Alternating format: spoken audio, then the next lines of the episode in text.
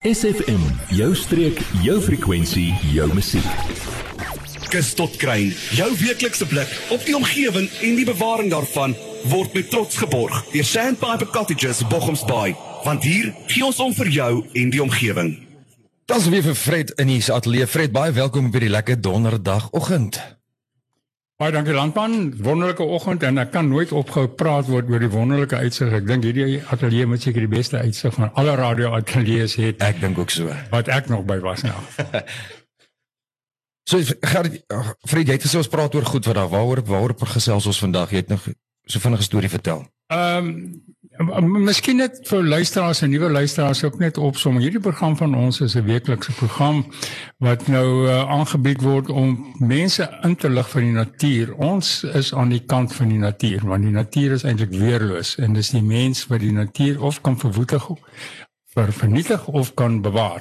So ons is eintlik aan die kant van die natuur alhoewel ons probeer 'n gebalanseerde storie vir alles gee wat ons doen. Ek wil vanoggend begin. Kom ons begin by die aarde. Die aarde is eintlik 'n geologiese uh, item of, of kon ons dit maar so stel. Die, die geologie kom eintlik van antieke Griekeland af. Jy, jy weet die ou Grieke, die antieke Grieke en die antieke Romeine het ja. ons baie lesse geleer en wette neergelê wat ons vandag nog gebruik en van toepassing is. So 'n baie goeie basis vir ons gelê. En hulle was uh, baie verwonderd geweest oor die geologie. Waaruit bestaan die aarde? Dis eintlik waar geologie ja. begin het. En, en jy weet Archimedes en daai ouetjies, hulle het nou almal hierdie studies gedoen. En toe uh, het dit nou oorgegaan en met die eeu het dit natuurlik ontwikkel en uh, in die middeleeue is Leonardo da Vinci wat natuurlik baie bekende skilder was. Hy het baie groot belangstelling in in die geologie gehad. En hy het byvoorbeeld bo op die berge in, in Italië het hy geologiese neerslag gehad van die see wat daar was op een stadium. En dit het hom baie uh getikkel soos ons nou maar sê. Ja. het, het, het sy uh, belangstelling geprikkel en hy het dit van daar af uh, gevat en ontwikkel. En ook uh, die katolieke kerk het toe 'n uh, uitdaging of hulle die katolieke kerk uitgedaag om betrokke te raak by die geologie Want die geologie is die studie van die aarde. Nou ja, en toe het dit nou ontwikkel tot waar dit vandag is. Sonder geologie kan ons nie eintlik klaarkom nie. As ons nie geologie gehad het nie, het ons nie olie gehad nie, het ons nie geweet hoe hierdie goedes aan mekaar steek nie. Hmm. En in latere programme gaan ons ook 'n bietjie gesels oor geologie en argeologie want die twee is baie nou verwant aan mekaar. Hmm. Die argeologie kan nie plaasvind of plaasgevind het tensy die mense die geologie gedoen het nie. Ek het jy het my vroeg van die lug af toe vertel jy vir my 'n storie van 'n kalf in 'n put. Wat ja. behels hierdie storie? Ehm um, Ja, dis eintlik 'n olifant kalf in die put. Dis 'n baie hartseer storie, eh, maar ook 'n verblydende storie op 'n manier uh, uit Indië uit. Hmm. Ek het op die internet uh, iemand vir my 'n video gestuur van 'n uh, klein kalfie wat in 'n uh, beland het in 'n baie diep put. Ek skat seker so 3 meter of 3 3.5 meter diep. Vierkantige put wat mense gegrawe het in gewoonlik in 'n olifantpad. Nou 'n olifant sal dit vir my 'n groot olifant, maar 'n klein olifantjie nie geweet wat dit is nie en toe binne in die put geval. En natuurlik toe probeer die ma die kleintjie uitkry en toe wil die ma in die put klim en nou net sy kop eerste ingegaan en nou lê sy kop eerste onderste bo in die put en die kleintjie kan jy sien in die video probeer nog aan die ma drink maar die ma lê chips glo want hulle weet nie hoe lank sy daar gelê het nie.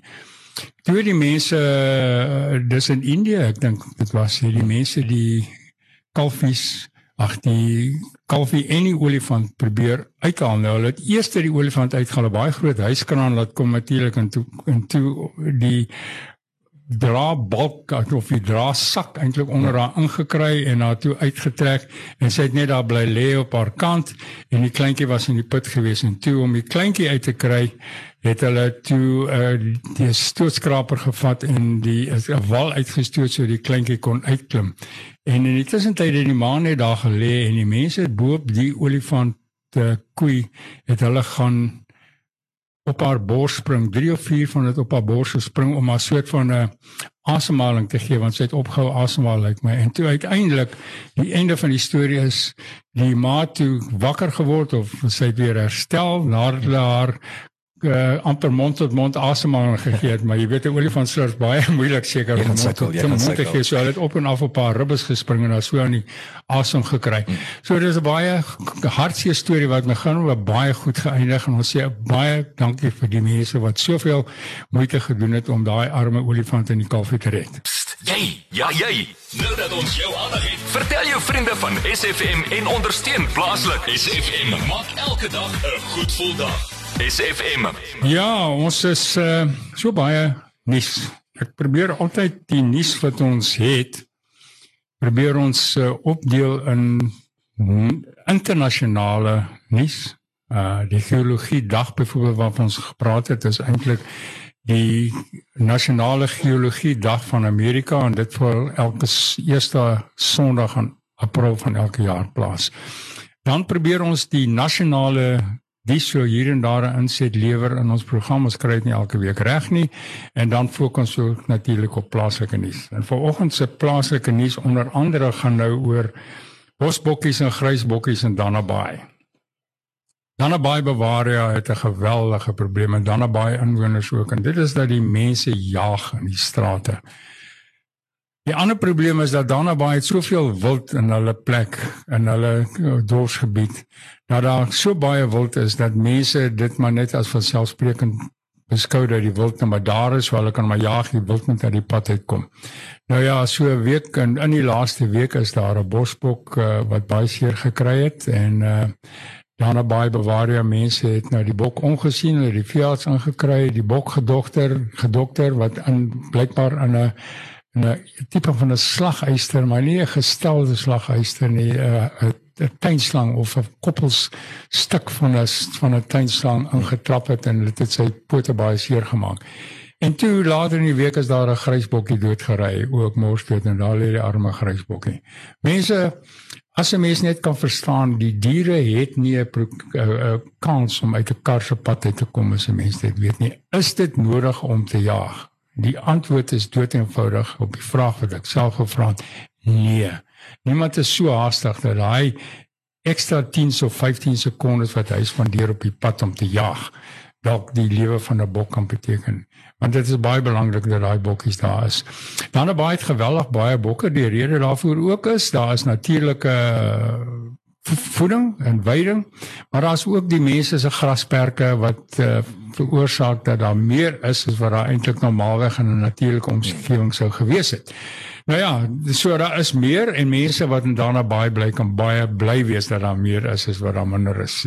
Ja, Want mense kom na ons gebiede juis om hierdie bokkies en goed te sien. Ehm uh, landman dan eh uh, luisteraars wil ek ook net praat van uh, die klein skilpaadjies. Uh, die turtle hotline wat hulle noem. Daar is 'n turtle hotline. Uh maar uh, die beste manier om hierdie klein skilpaadjies soos hulle nou uitspoel, hulle word hulle swem af van die Mapellaan en St. Lucia bo in die noorde en dan kom hulle af met die Gullah stroom en dan waai die ooste of die suidooste wind waai hulle en hulle kry koud en dan waai hulle hulle uit op die strand en die laaste 10 dae in ons omgewing tussen Plet en Stilbaai het daar oor 100 klein skilpaadjies uitgekom. Nou dis 'n logistieke probleem. Mense moet daai skilpaadjies nou optel en dan moet hulle versorg word. En hulle word dan per geleentheid word hulle af uh, getransporteer na die Kaap toe na die uh, aquariums daar of na Port Elizabeth toe. Hang af in watter rigting die uh, die soort van geleentheid sal kom. As enigiemand ooit sulke skilpaadjies op die strand sien uitspoel en op die oomblik kom maar baie moet hulle asseblief nie terugsit in die water nie. Dis baie baie belangrik want as jy hulle terugsit in die water gaan daai skilpaadjie dit nie maak nie. Hy het juis uitgespoel omdat die natuur sê jy kan nie lewe in die water soos nou is nie. Kom uit. Maar dan weet hy nie wat om te doen nie. Nou is die mens daarso om hom te red. En die fasiliteite is daar en as jy ooit uh, skilpaadjies kry en tel hulle op, sit hom in 'n boks, moet hom nie in water sit of enigiets van die gehaatheid nie, sit maar 'n handdoekie onder die boks of wat ook al dit is en dan probeer vir smart kontak. Nou, smart se kontaknommer gaan ek nou gee en ons kan miskien in die eind van die program ook gee. Die kontaknommer is 072 227 471 15 rapporteer dit daar, hou die skilpaadjie, moet hom nie terugsit in die water nie, moet hom net nie in water sit nie, moet hom nie 'n slaaiblaar gee om te eet nie asseblief. Want daai goedjies se dieet is iets heel anderster. Asseblief, want dit gaan ons skilpaadjies red en oor 100 skilpaadjies beteken 100 skilpaadjies wat gaan lewe wat nie sou gelewe as dit nie vir die mense bystand was nie. Presies. Word deel van ons Facebookblad vandag nog facebook.com vorentoe skuinstreepie sfm streek. Goeiemôre weer en dis nou ons laaste stukkie vir hierdie donderdag ongelukkig. Uh ons is uh, nou amper klaar, maar ek wil graag net afsluit met die volgende en dit is die sosiale verantwoordelikheid van ons as mense. Uh, het ons 'n sosiale verantwoordelikheid? Ek dink dit kan nie ontken word nie, maar het ons ook 'n sosiale verantwoordelikheid teenoor mekaar? Ons sal sê ja, ons het en ons het 'n sosiale verantwoordelikheid teenoor die natuur. En onteenseglik is dit so. En die feite van die saak is dis nie net die die koöperatiewe mense wat 'n verantwoordelikheid teenoor die natuur met en teenoor die omgewing met en jy weet mense soos die banke of ehm um, die plaaslike owerheid of uh, so smart soos uh, organisasies so en dis elke individu se hmm. se integriteitsplig ek dink om om te gee vir die natuur. Want sonder die natuur kan ons nie lewe nie. Sonder die natuur waarvan die mens maar 'n element is is ons totaal verlore en ons bly op die oseaan en die oseaan is 70 tot 72% van die water se oppervlakte. Hmm. En ons is bevoorreg om beide die terrestriale uh, omgewing te kan sien. Dit is die van die hoogwatermerk af boontoe uh, tot in die berg en tot in die klein Karoo. Dis hoekom ons program se naam ook is uh, Kus tot Kruin en ons sluit daarbey aan natuurlik die klein Karoo ook want uh, dit is 'n paar plantbiome en dierbiome wat ons alles bymekaar het en dan ons die marine lewe. En die marine lewe is vir ons baie belangrik. So dis ons elkeen se se verantwoordelikheid ek dink om te sien dat ons die omgewing oppas. Hmm. Dit begin by 'n stompie by die venster uitgooi. Dit begin by uh, onnodig om 'n ding dood te trap as dit nie nodig is om dood te trap nie. Dit begin by rottig vergooi wat 'n uh, ripple effek het. Dit begin by enigiets doodmaak wat dalk 'n uh, uh, effek het op die kettingreaksie wat dit het op ander dinge in die oseaan en op die land.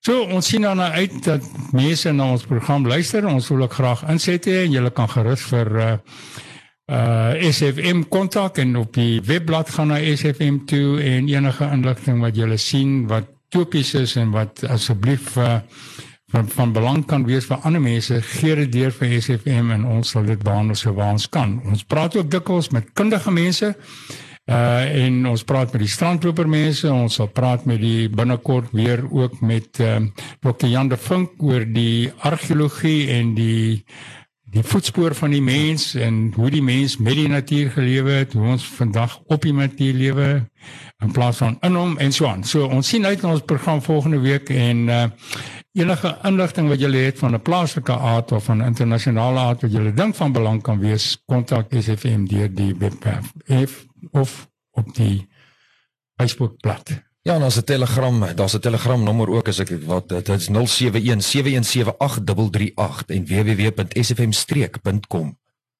Baie dankie mense en ons sien uit na volgende week se program. Ons sien uit 'n bietjie insette van julle kant af ook. As julle positiewe bydraes kan hê, dan sal ons baie bly wees. Dankie.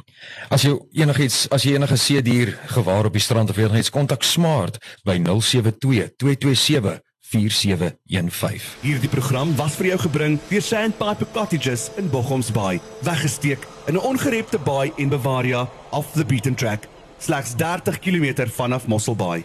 Kontak Sandpiper Cottages via die webwerf sandpiper.co.za of per WhatsApp 081 071 6735. Adverteer jou besigheid vandag nog op SFM. Vir meer inligting skakel SFM gerus by 044 801 7811.